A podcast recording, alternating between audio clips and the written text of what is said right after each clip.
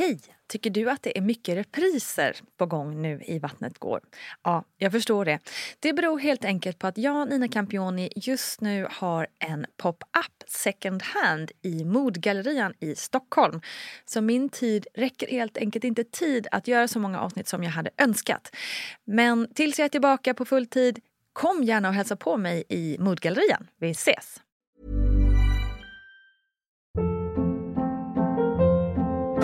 Hold up. What was that? Boring. No flavor. That was as bad as those leftovers you ate all week. Kiki Palmer here, and it's time to say hello to something fresh and guilt-free. Hello Fresh. Jazz up dinner with pecan-crusted chicken or garlic butter shrimp scampi. Now that's music to my mouth. Hello Fresh. Let's get this dinner party started. Discover all the delicious possibilities at hellofresh.com. A lot can happen in three years, like a chatbot may be your new best friend. But what won't change? Needing health insurance. United Healthcare Tri Term Medical Plans, underwritten by Golden Rule Insurance Company, offer flexible, budget friendly coverage that lasts nearly three years in some states. Learn more at uh1.com. Hiring for your small business? If you're not looking for professionals on LinkedIn, you're looking in the wrong place. That's like looking for your car keys in a fish tank. LinkedIn helps you hire professionals you can't find anywhere else, even those who aren't actively searching for a new job but might be open to the perfect role. In a given month, over 70% of LinkedIn users don't even visit other leading job sites. So start looking in the right place. With LinkedIn, you can hire professionals like a professional. Post your free job on linkedin.com slash people today. Hey, it's Paige DeSorbo from Giggly Squad. High quality fashion without the price tag. Say hello to Quince. I'm snagging high-end essentials like cozy cashmere sweaters, sleek leather jackets, fine jewelry, and so much more. With Quince being 50 to 80% less than similar brands. And they partner with factories that prioritize safe, ethical, and responsible manufacturing. I love that. Luxury quality within reach. Go to quince.com slash style to get free shipping and 365-day returns on your next order. quince.com slash style. Hej kära du och varmt välkommen ska du vara till ett nytt underbart, hoppas jag, avsnitt av Barnet Går med mig Nina Campioni. Vill som så många gånger för börja med att tacka dig som lyssnar. För utan dig, ingen podd. Det är inte svårare än så faktiskt.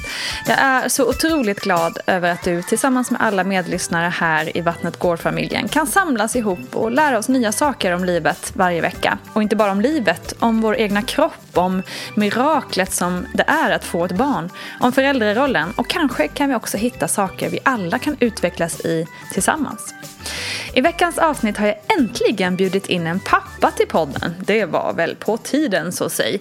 Pontus de Wolf är inte bara musiker och kompositör, han är också ljudspecialist. Och det är faktiskt han som ser till att den här podden redigeras och låter som den gör. Tack för det Pontus. Han är också gift med Elsa Billgren som ju också gästat den här podden. Missa inte avsnitt 25 tycker jag. Idag är han med i podden för första gången själv. Extra skoj tycker jag. Och vi kommer framförallt att fokusera mycket på barn och musik. Take it away Pontus. Vad roligt att ha en pappa med i podden. Ja, jag känner mig så hedrad. Det var ju alldeles för länge sedan. Ja. Och du är ju inte bara en pappa utan du är ju också en, en eh, poddredigerare som redigerar den här podden till och med. Exakt, så det gör det liksom dubbelt ärofyllt att få vara med på något vis. Har du bara suttit där hemma och tänkt när ska hon fråga mig? Hur länge ska jag jobba med den här podden egentligen? Det är så inbjudande och liksom, man vill kasta sig in i diskussionerna ja. så här, och liksom ha med sin röst. Men jag har inte gått så långt att jag klippt in min röst Nej, i den det kanske så länge än. Så det här blir min, min stora revansch. ja, exakt. Men du, du är ju som sagt inte bara eh, ljudproffs, du är också pappa. Just det. Hur upplever du att eh, liksom din, ditt föräldraskap, har, har du känt på några större utmaningar i det? Um, det har varit så liksom, bra funtat att det har känts lite från början som att jag har fått ett till småsyskon. Mm -hmm. um, Lynn som han heter, min, min och Elsas son, mm. är fyra år nu och han påminner så väldigt mycket om mig och mina småsyskon. Så att ja. det har varit liksom för mig, för min del så har själva den liksom sociala kontakten varit bara att kroka i. Lite bekant liksom. Det är ett ganska, ja visst, det är ett rätt spännande ämne i sig att liksom man övar på sina syskon och allt sånt där. Mm. Det, och det, det bidrar till att man har ganska höga krav på att det ska vara så här kul hela tiden. Ja, liksom min, min grundtanke är att vi ska ha det jättehärligt och må Mm. bra hela tiden. Just eftersom det är så här, han är en, en enkel kille att ha att göra med. Och, ehm, och då får man ju vara nöjd med det Mm. på något vis. Det där är jätteintressant och jag tror att många, inklusive mig själv, känner igen sig i just det där att man har som förälder ganska stora krav på sig att det ska vara kul hela tiden. Um, att man Mm. Ja, liksom, och det har, vi, har ju pratats mycket om det överlag, att barn tillåts inte ha tråkigt längre. Um, Nej. sådär. Men har ni märkt några svårigheter i det? Att när det liksom plötsligt inte eh, finns något kul att göra, Eh, blir det gnälligt då eller liksom, kan han ändå sticka iväg och hitta på något eget? Ja, alltså nu börjar det bli ganska mycket bättre för att han, eh, han har också en liksom, han är supersocial och har en jättetrevlig förskola så att han, han har verkligen stimulans hela, hela, hela tiden. Eh, men det gör att det, det får ju igång en och det får en det får honom att ställa krav på oss eh, på att, att vi ska hitta på grejer såklart. Eh, han har inga syskon heller så att det, det är liksom oss han får röra sig till om, om han ska ha det. Men ehm, samtidigt så har vi liksom kommit förbi ganska mycket så här iPad-problematik och sånt där genom det. Och nu så börjar han liksom hitta egna världar eh, där han liksom kan befinna sig under lång tid och liksom fantasin blir verkligen en, en ersättning för de riktiga personerna. Det låter ju fantastiskt. Ja, det är härligt. Det är också en liten grej så här, jag är väldigt mycket sån själv så att jag tänkte att det skulle komma sen. Så det var väl bara att hålla ut med de här lek... Just det, Eh. man får ha lite tålamod. Ja, precis. Men du, apropå det här eh, med syskon och så. Jag vet, eh, Elsa har ju varit väldigt öppen med eh, det som hände som gjorde att ni inte kunde få fler syskon. Just det. Hur har tankarna och känslorna från din sida gått kring det? Ja, men det, jag tror det gäller både, både för mig och Elsa. När man, när man kommer ut, bara ska säga det först, när man kommer ut ur ett sånt liksom traumatiskt eh, skeende så är man ju glad för det man fick på något vis. Eller att man så här, vi klarade oss och hon klarade sig i alla fall. Så att man kan inte man kan inte kräva allt för mycket av, av livet i stort då. Men eh, för det är så himla lättande om det går bra. Såklart. Eh, Men samtidigt så har man så här, både hon och jag har syskon, två var, så att man, har, man kommer från, någon, från sin egen satta norm också för att så här, en familj ska vara många syskon och det är bra att ha stora syskon och småsyskon och sånt där. Så att jag tror vi båda förväntade oss att vi skulle ha en sån familj. Men, men samtidigt så här, jag hade inga stora syskon så jag vet inte hur det är att ha det. Eller jag levde inte med det i, i samma hem. Så att det, det blir alltid lite annorlunda mot vad man, vad man tänker. Och vi försöker hela tiden liksom tänka ur Lynns perspektiv. Vad, vad mår han bra av och vad saknar han? Och det visar sig att det, vi har nog kommit fram till att han inte saknar särskilt mycket. Utan han, han får vara väldigt centrum av rummet och fyller ju i alla de där behoven genom andra vänner och ett stort, stor social sfär och sådär. Just det. Men vi får se. Det är vetenskap och teknik gör ju massa spännande saker. Så det kanske, du får fråga mig igen om fem år. Ja, precis. You never know. Exakt.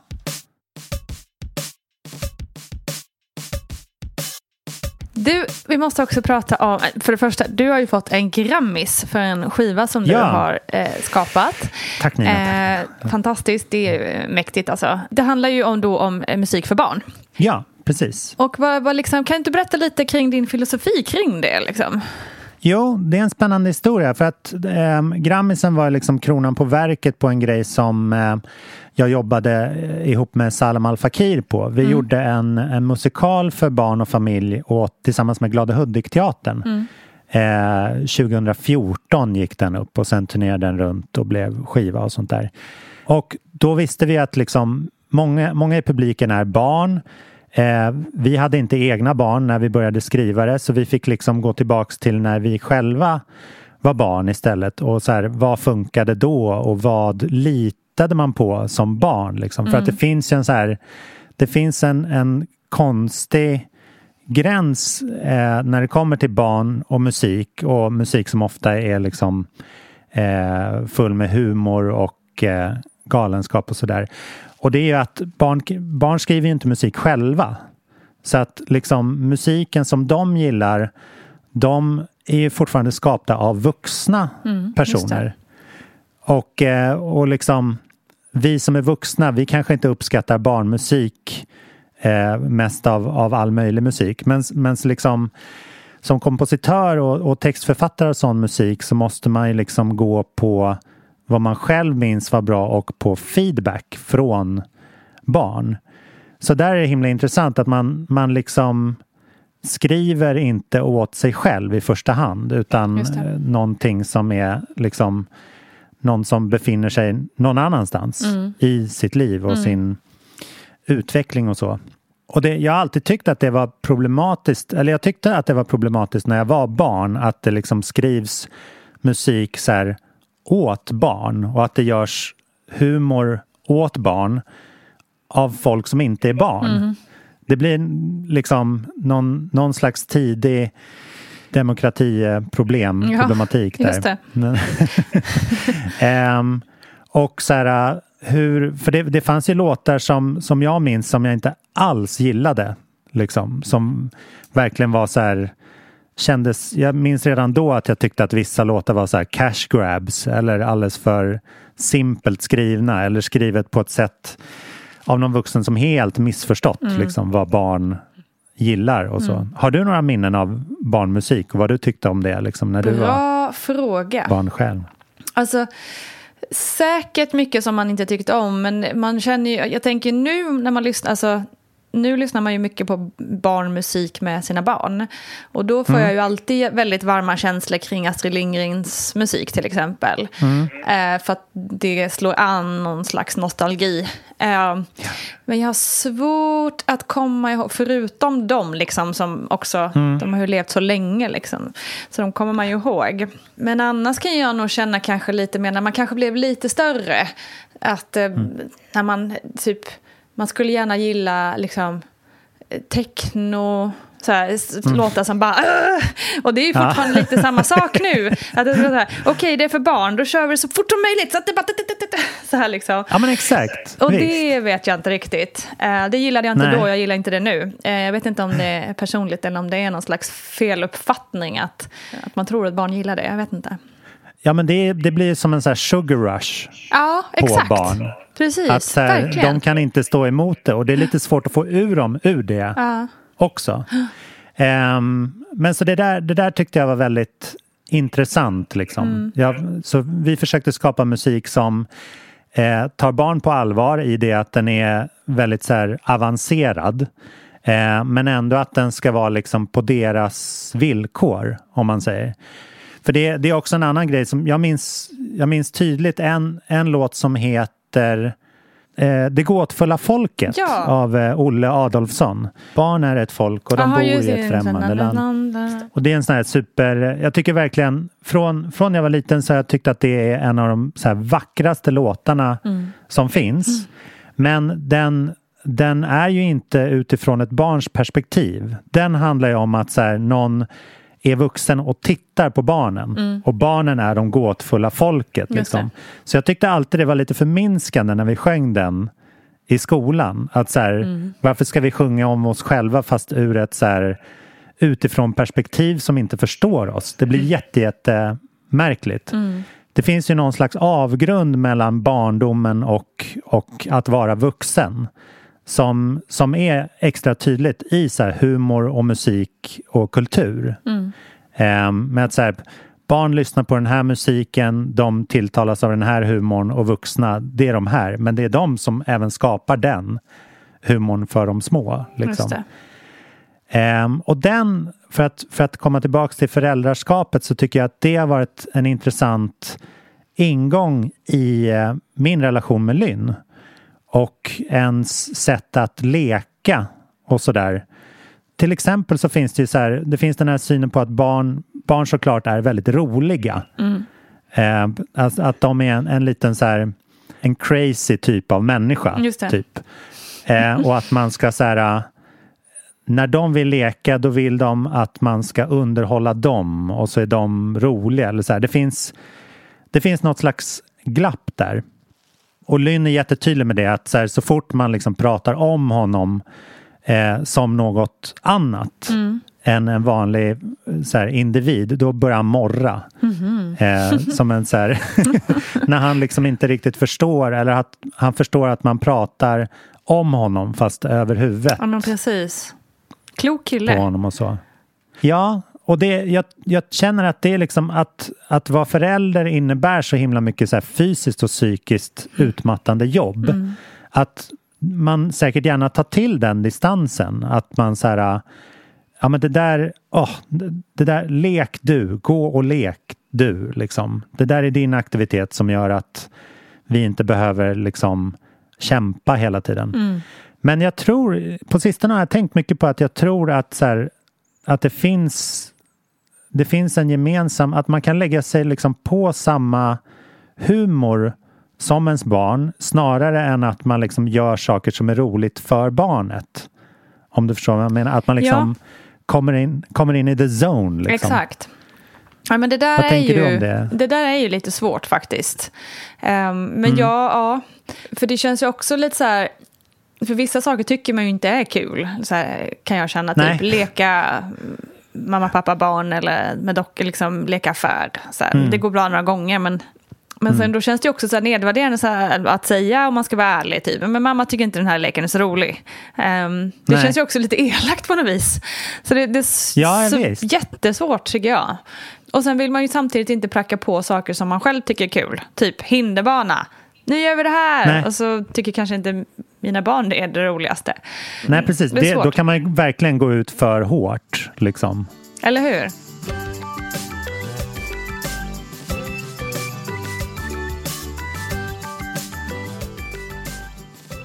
Jag tänkte också på det här eh, som vi var inne på innan, eh, en liten följdfråga på det där med musiken för barn och humor och kultur för barn. Mm. Eh, Och så, så var du inne på det här liksom steget från barn till vuxen och sådär.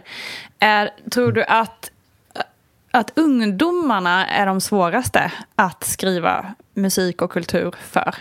Där kan man definitivt känna sig gubbig i alla fall. I mitt fall som, som låtskrivare. Nu skriv, det är faktiskt kategorin som jag mest försöker tilltala. Den mellan liksom 20, 20 och 40 eller något sånt där. Ehm, men den, den tror jag är liksom enklast. Dels för att man kan få med sig dem. Det blir något slags hopp där när de kommer upp i discoåren. Just. Ehm, för då, vill, då får jag, jag gissar att de får en känsla av att de vill bli vuxna då Ja. också. Så att liksom, de som är 13 de lyssnar, de har idoler som är 17 och de som är 17 har idoler som är 25. Just och så här. Så att det, där, där börjar det luckras upp lite och där, den musiken kan man ju ändå relatera till själv. Även som gammal i gamet. Ja, men Som- verkligen. Det är sant. Men du, varför, varför är musik viktigt för barn då? Men jag tror att det är... Dels så är det ju någonting som så tar mycket tid. Alltså att det är inte helt... Det är inte så här de snabba kickarna men det, det är någonting som, som eh, tar tid och som jag tror eh, det leder ju till sång och det har ett ganska liksom harmoniserande effekt på den egna kroppen och psyket. Att man liksom man, man sjunger i grupp. Det blir nästan en så här uh, schamansk grej ju på, på så här förskolan om man, om man har tillträde och till sjunger det. liksom. Eller, Mm. att man, man liksom man, man delar ett, ett ljud och det är en, jag tror det är en väldigt så här lägerelds eh, kompatibel grej. Ett, Mm. ett lugn och en bas som de behöver. Men sen vet jag inte, våra barn får ju ta till sig så himla mycket musik. Jag är inte säker på att det liksom är traditionellt Just någonting det. som de behöver. Jag tror man skulle klara sig på 10-20 låtar upp till 10-årsåldern Mm. om jag skulle vara ärlig. Så det, det är någonting man verkligen kan tänka på. Att vi, vi har ju så himla mycket sån himla stor mångfald i vår musikvärld eh, just nu. Så att det, men den, den känner jag att den kan man verkligen begränsa. Den, den som är för barn. Det är ju intressant eh, tycker jag. För det, det ligger ju någonting i det. De har ju en, en tid i livet de första uh, fyra åren, kanske fem åren. Mm. Där de gärna lyssnar på samma låtar, läser samma böcker, tittar på samma avsnitt om och om igen. Så mm. um, och sen så känner man ju lite som vuxen, apropå det här vi pratade om smurfits och sådär, uh, mm. så vill man ju kanske så här, komma in med sin egen musik. Typ jag vill ju gärna säga, Gud, ja. hörni, ja. lyssna på den här låten, den är så sjukt bra. Så drar man på så här, någon ja, cool låt som man själv tycker om. Eh, och de bara ser ut som frågetecken. Eh, och så blir man besviken. så blir det ja. jobbigt. Eh, hur mycket tycker du, eller hur mycket prackar du på Lynn, din egen musik? Ja, men jag är absolut där hela vägen. Där har vi det väldigt förspänt tycker jag i Sverige. Just att så här, eh, Astrid Lindgren, Juridels mm. Astrid Lindgren musik funkar så pass bra och har gjort det länge. Eller Fem myror är fler än fyra elefanter eller så här, eh, Djurens brevlåda. Allt det mm. är så här, en väldigt... Det gjordes under en väldigt bra tid. Alltså det lades mycket resurser mellan ja, 60 och 80-talet på att det där skulle vara fint och det, det skapade en bra eh, grund skulle jag säga för att det fortfarande görs. Det är liksom det som är eh, normen eller piken eller så här, det man försöker eh, efterlikna Just och det, det som kanske värdesätts. Det kan man ifrågasätta. Eh, men det var liksom det var ju samma som gjorde den vuxna musiken som gjorde barnens musik då mm, på något vis. Mm. Det är väldigt mycket jazz, mm. eh, Hasse och Tage, liksom ja. den, den äldre skolan. Och, men så att den, den prackar jag på, på gladeligen och just med så här facit att jag, eh, jag minns ju den med glädje själv. Så att det, det tänker jag att det kommer säkert han göra också.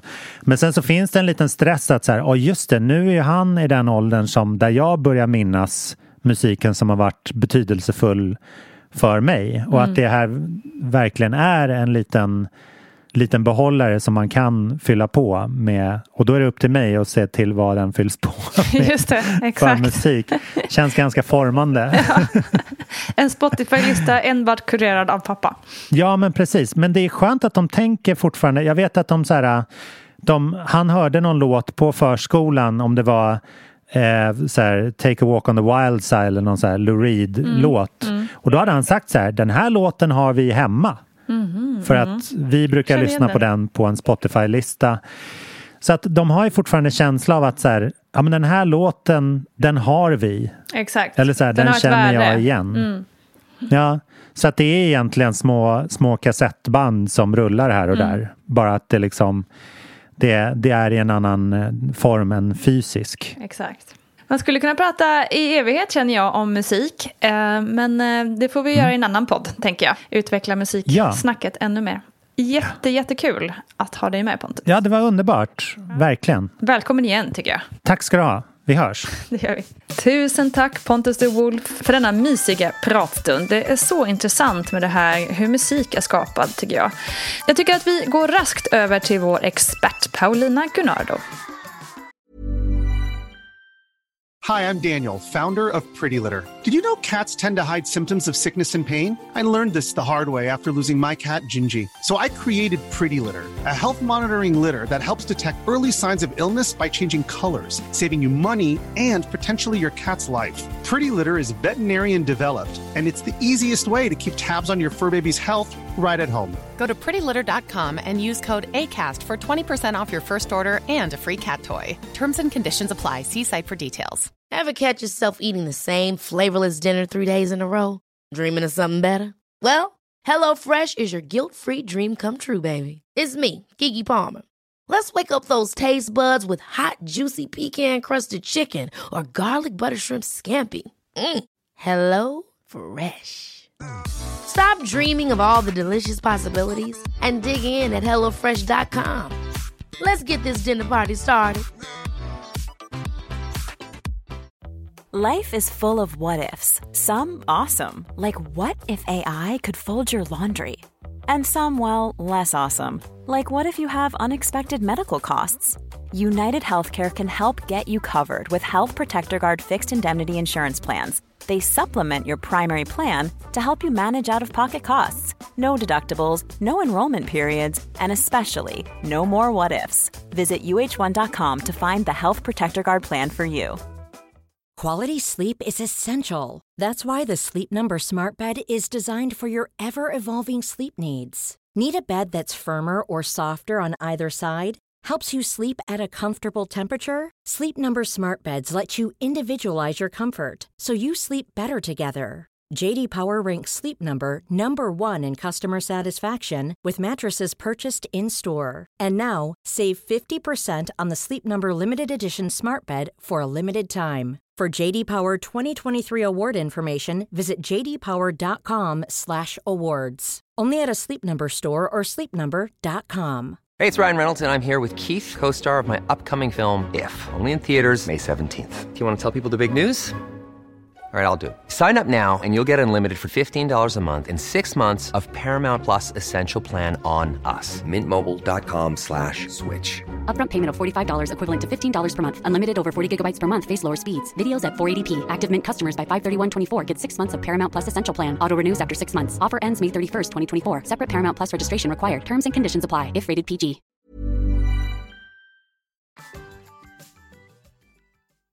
Men vi pratar ju om vikten av musik för barn, ja, egentligen för alla människor. Men vad säger liksom vetenskapen om hur musik och rytm och sånt där påverkar oss egentligen? Otroligt intressant ämne tycker jag. Eller hur? Eh, Jag har länge velat veta mer om det här för att eh, människor påverkas lite olika av musik. En del påverkas ju jättestarkt och en del kan verkligen så här, förmedla också otroligt starkt.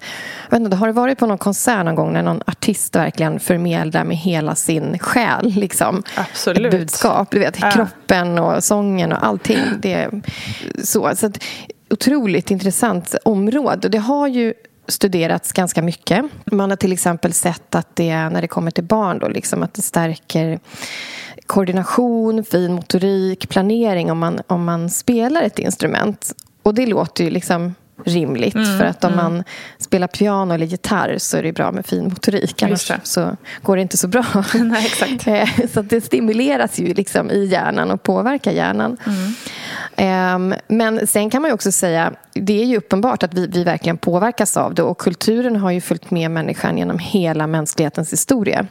Så musik och kultur är ju jätteviktigt för människan. Det är inte bara något sånt här plus i kanten eh, eller ja, något lite extra Ja, kul lite att man krydda, kan gå på liksom. en konsert. Nej. Utan, nej, utan den är faktiskt jätteviktig för människan. För att vi, eh, musiken handlar ju väldigt mycket om att liksom förmedla budskap och för- kommunicera, men också för ens egen skull. Man har till exempel sett att ehm, att sjunga i kör eller att spela instrument, gå på musiklektioner i skolan och sånt.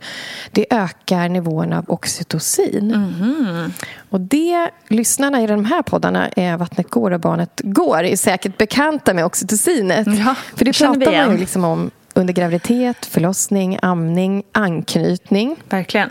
Och anledningen till att, att oxytocinet är viktigt för anknytningen och liksom påverkar anknytningen det är därför att eh, oxytocinet och i det här fallet då musiken det, det hjälper oss liksom att föras samman.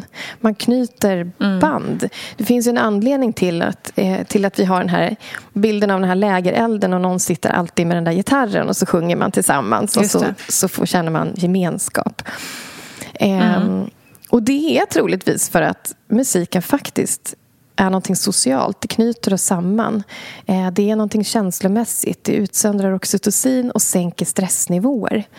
Ehm, så det är liksom... Ja, det är- viktigt att ha med i livet. Intressant. Man har gjort studier också eh, på elever i, eh, i en skola. Och Då hade man tre olika grupper. Och då fick en grupp ha extra musik. Och Då var fokus bara på att den musiktimmen skulle vara rolig, bara. Just det. Kul. Ja. Det behövde inte finnas något extra annat mål med det än att de hade det bra. Liksom. Och Sen hade man en grupp som fick sitta en extra timme med datorer och sen hade man en, en, en kontrollgrupp som bara fick ha sitt vanliga skolår. Och så följde man de här eleverna och deras stressnivåer under året. Och vet du vad man kom fram till? Nej. Gissa. Att man blev Ja, men att- lugnare på något vis. Ja, ja exakt. Ja. Eh, För att stressnivåerna gick faktiskt ner och var lägre hos den gruppen som hade haft extra musik. Ja. Och det påverkar inlärningen positivt. Ehm, Vi får ihop gruppen. Om den här gruppen då haft det trevligt och bra under den här timman Ja. då finns det ju en trolig chans att, att det här har spilt över på övriga, övrig lektionstid liksom, och på klassen. Just det. Att man mår bra. Det i sin tur har visat sig, alltså social, det här sociala gemenskapen har visat att vi får bättre hälsa av det. Att vi är i en grupp och att vi mår bra tillsammans. Så att musiken liksom fyller många sådana funktioner känslomässigt och, och socialt för oss. Ehm, Så det finns ju en ganska bra anledning då kanske egentligen till att man till exempel i förskolan ofta har samling och att man sjunger någonting tillsammans. Och, Mm. Alltså det är inte bara, ofta som förälder så tänker man ju så bara ja, de har lite mysigt eller liksom de gör det här för att de ska ha något att göra. Typ. Ja. Men det finns ju oftast en god tanke med väldigt, eller nästan med allt man gör både i förskola och i skola. Visst. Ja. Och om jag tänker barn, små barn, de brukar ju lära sig ramsor för saker. Mm. Och det kan man även göra som vuxen eller om man, eh, om man pluggar någonting och Ja, måste det. memorera. Just för det. ramsor och musik gör att vi lättare kommer ihåg saker. Ja. Så det kan man jobba med i typ förskolemiljö. Och sen att man turas om, att man gör någonting som grupp. Och då, ja, det finns många eh, bra funktioner med den där sångstunden. Liksom. Verkligen. Intressant. Men sen en annan grej som Mm. är lite intressant det är ju faktiskt att man kan ha musikterapi. Ja, Eh, just har det. du det hört har jag, ta- det? jag har talat om det, men inte mer än så. Liksom. Och det har man ju för att musiken påverkar oss. Det kan ju locka fram känslor man behöver få, få fram och Mm. prata kring eller någonting man behöver bearbeta. Och, och med barn så kan man också se hur det påverkas. Och det, en grej man kan göra hemma med, med barn det är att man, man tar fram papper och penna och kriter och färger och så här. Eh, och sen så slår man på musik och så säger man att men nu ska vi rita en stund till den här musiken. Och så tar man till exempel klassisk musik ena gången.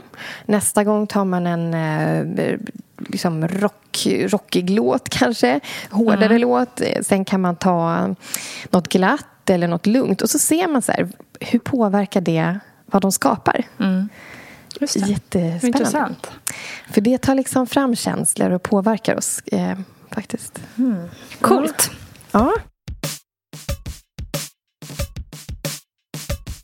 Det känns som att man skulle kunna ha en hel tv-serie om bara detta ämne.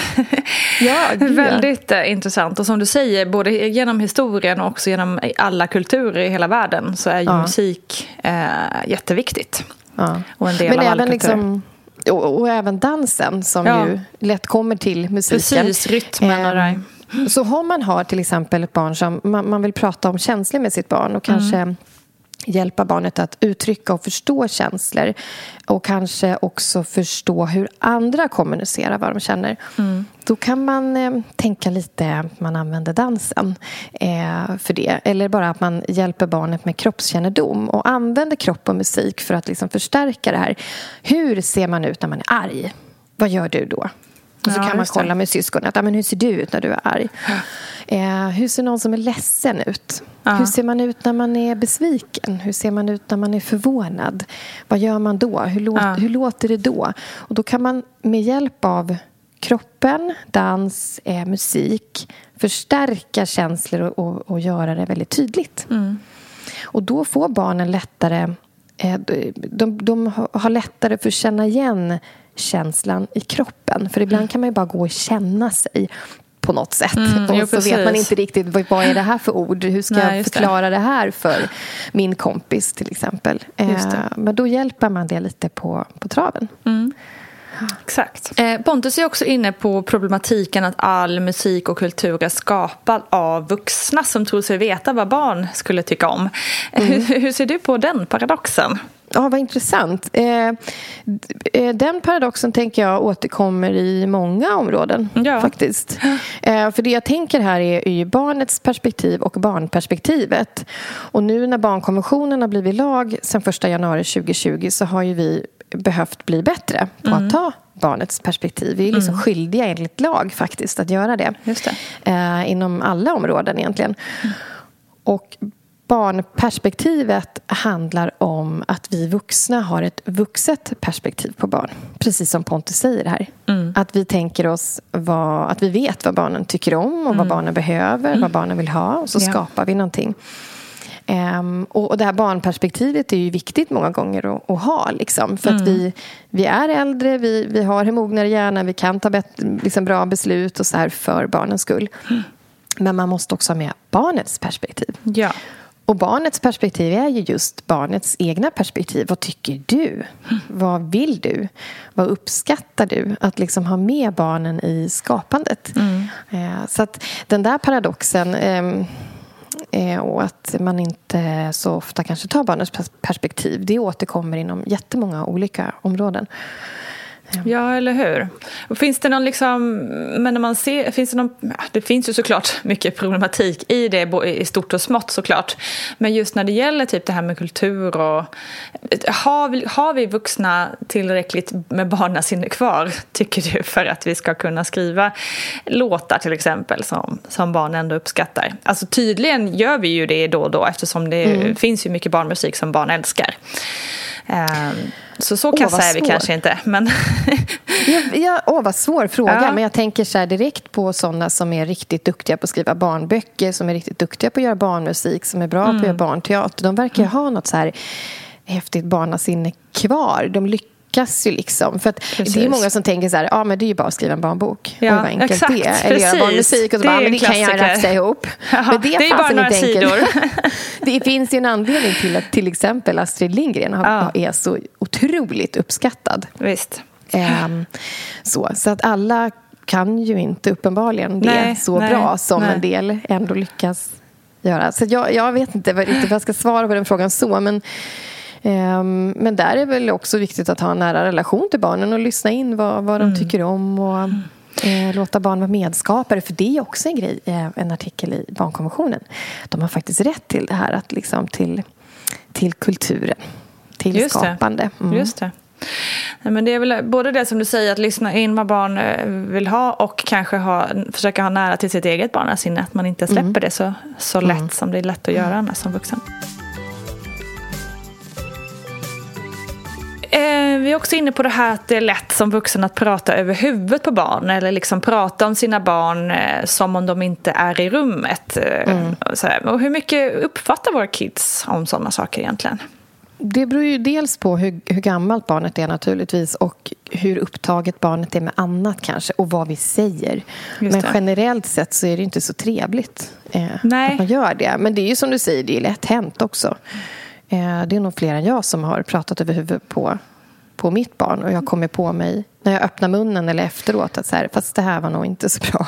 Nej men alltså precis, eh. för det kan ju vara enkla saker som att eh, ja men Essie, vad det nu kan vara, tappade en mm. tand igår. Mm. Det kan ju, alltså, ja. Helt som inte, du vet, det är ingen, så här, ingen värdering i någonting men man berättar Nej. någonting om någon annan som sitter två meter bort.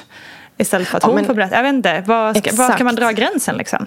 Alltså det, jag, det jag spontant tänker är så här, men om man tänker läkarbesök till exempel. Där Just kan det. det vara otroligt obehagligt att sitta liksom som ett litet barn och så pratar de vuxna om en. Ja. Att det är viktigt att låta barnet få komma till tals och säga mm. sitt och förklara. Mm. Och där tänker jag att man kan lyssna in barnet. Eh, mm. Dels hur gammalt och moget är barnet? Kan barnet förmedla vad den vill förmedla och behöver säga och sådär? Mm. Och vill du säga, eller ska jag hjälpa dig? Just det. Um, men att man ändå öppnar upp för att barnet faktiskt själv kan kommunicera mm. uh, och berätta saker. Mm. Mm. Du och jag Paulina har ju varit inne på det här tidigare med att leka med barn och att det inte alltid är så jäkla roligt egentligen. Men hur, hur okej är det liksom egentligen att be sitt barn leka själv medan man kanske sätter sig bredvid med en god bok istället? Alltså extremt svårt i praktiken. Mina barn skulle bara mamma, mamma, mamma. Så det skulle mm. kanske ändå inte gå. Men, men rent teoretiskt, skulle det vara okej? Okay, liksom? Ja, alltså det snabba svaret, det är ofta så här, det blir ett snabbt svar och sen ett komplext svar. Ja, för det är ju alltid så himla komplext alltihopa. Ja. Men, men det snabba svaret är ju så här, det är klart att det är okej att vilja sitta och läsa en bok och mm. att man inte tycker att det är jättekul. Eh, det tror jag jättemånga känner igen sig i. Mm. Eh, det är inte alltid roligt att sitta och leka. Sannerligen inte. Och det är såklart att det är okej. Och det är också okej, tänker jag, att låta barn leka ensamma eh, även om de gärna vill leka med dig som förälder. För att när barnen är små, då är det väldigt vanligt att barn är nära föräldrarna, vill att föräldern ska vara med och leka. Och det kan ta ett tag, några Mm. år, liksom innan barn kan vara kvar i en lek längre stunder själv. Ja. För sen när de väl är där, då, det här gäller ju såklart inte alla och, och barn är olika och så här, men generellt sett så, så kan ju barnen sen börja komma in i en lek och vara kvar i en lek. Och det är ju också väldigt värdefullt för utvecklingen. Att man låter barnet leka själv och få vara inne i sin egen fantasi och få vara kvar i leken och forma den själv. Det är också jättevärdefullt. Lika värdefullt som det är att få leka med någon annan och ha en social lek. Liksom. Men om man ska göra det lite, så här, lite komplext så funderar jag på eh, det är ju väldigt vanligt att föräldrar har dåligt samvete Mm, verkligen. över lite olika saker. Jaha, över det ja, mesta. Men det, är, det är faktiskt Ja. jättevanligt att Ja. det följer med genom hela, ja, men hela livet nästan Ja. som barnen är barn. Liksom.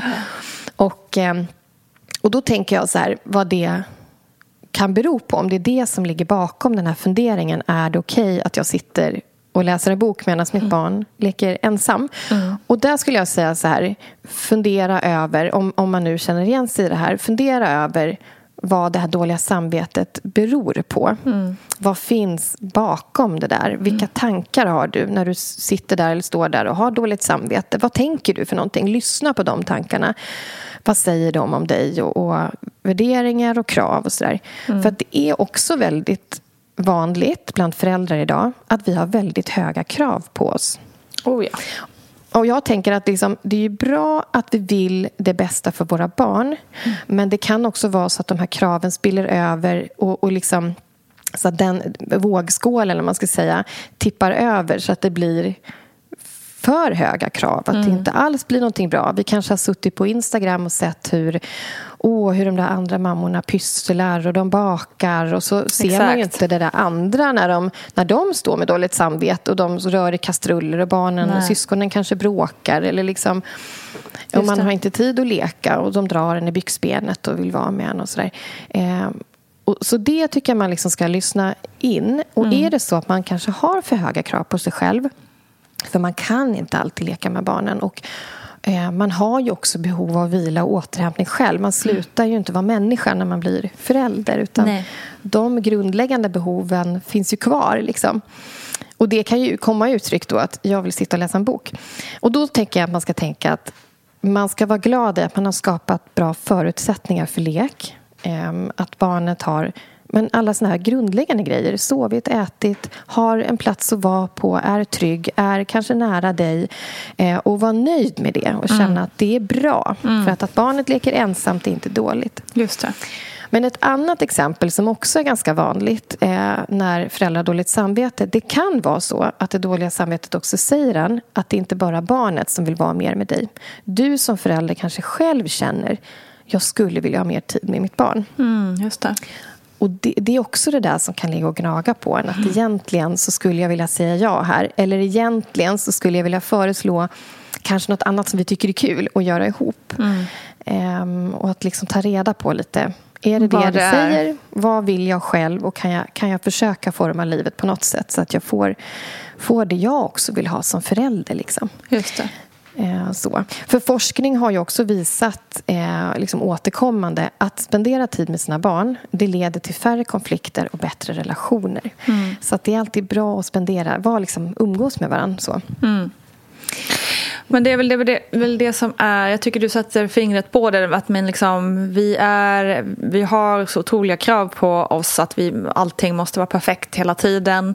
Och att man fokuserar på lite mindre saker som kanske inte är det där viktiga utan det finns ju den här basala saken som du säger att mitt barn mår bra, det är liksom mätt och tryggt och eh, sovit gott och så vidare. Och sen så är det inte hela världen om, om hen leker själv en halvtimme.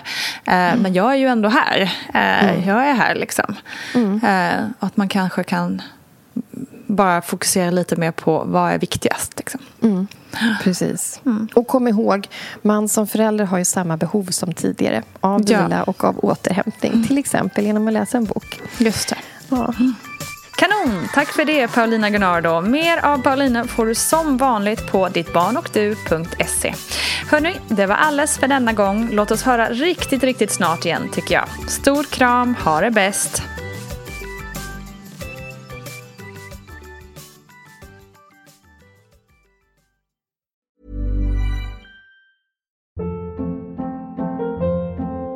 Hold up. What was that? Boring. No flavor. That was as bad as those leftovers you ate all week. Kiki Palmer here, and it's time to say hello to something fresh and guilt-free. Hello Fresh. Jazz up dinner with pecan-crusted chicken or garlic butter shrimp scampi. Now that's music to my mouth. Hello Fresh. Let's get this dinner party started. Discover all the delicious possibilities at hellofresh.com.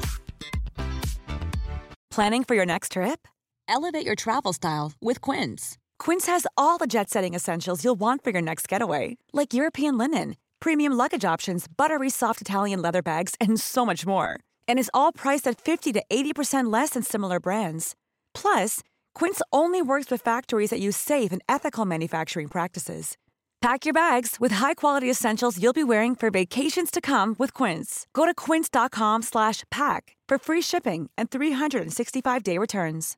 Imagine the softest sheets you've ever felt. Now imagine them getting even softer over time. That's what you'll feel with Bowl and Branch's organic cotton sheets. In a recent customer survey, 96% replied that Bowl and Branch sheets get softer with every wash. Start getting your best night's sleep in these sheets that get softer and softer for years to come. Try their sheets with a 30-night guarantee. Plus, get 15% off your first order at bowlandbranch.com. Code BUTTERY. Exclusions apply. See site for details. Hi, I'm Daniel, founder of Pretty Litter. Cats and cat owners deserve better than any old fashioned litter. That's why I teamed up with scientists and veterinarians to create Pretty Litter. Its innovative crystal formula has superior odor control and weighs up to 80% less than clay litter. Pretty Litter even monitors health by changing colors to help detect early signs of potential illness. It's the world's smartest kitty litter. Go to prettylitter.com and use code ACAST for 20% off your first order and a free cat toy. Terms and conditions apply. See site for details.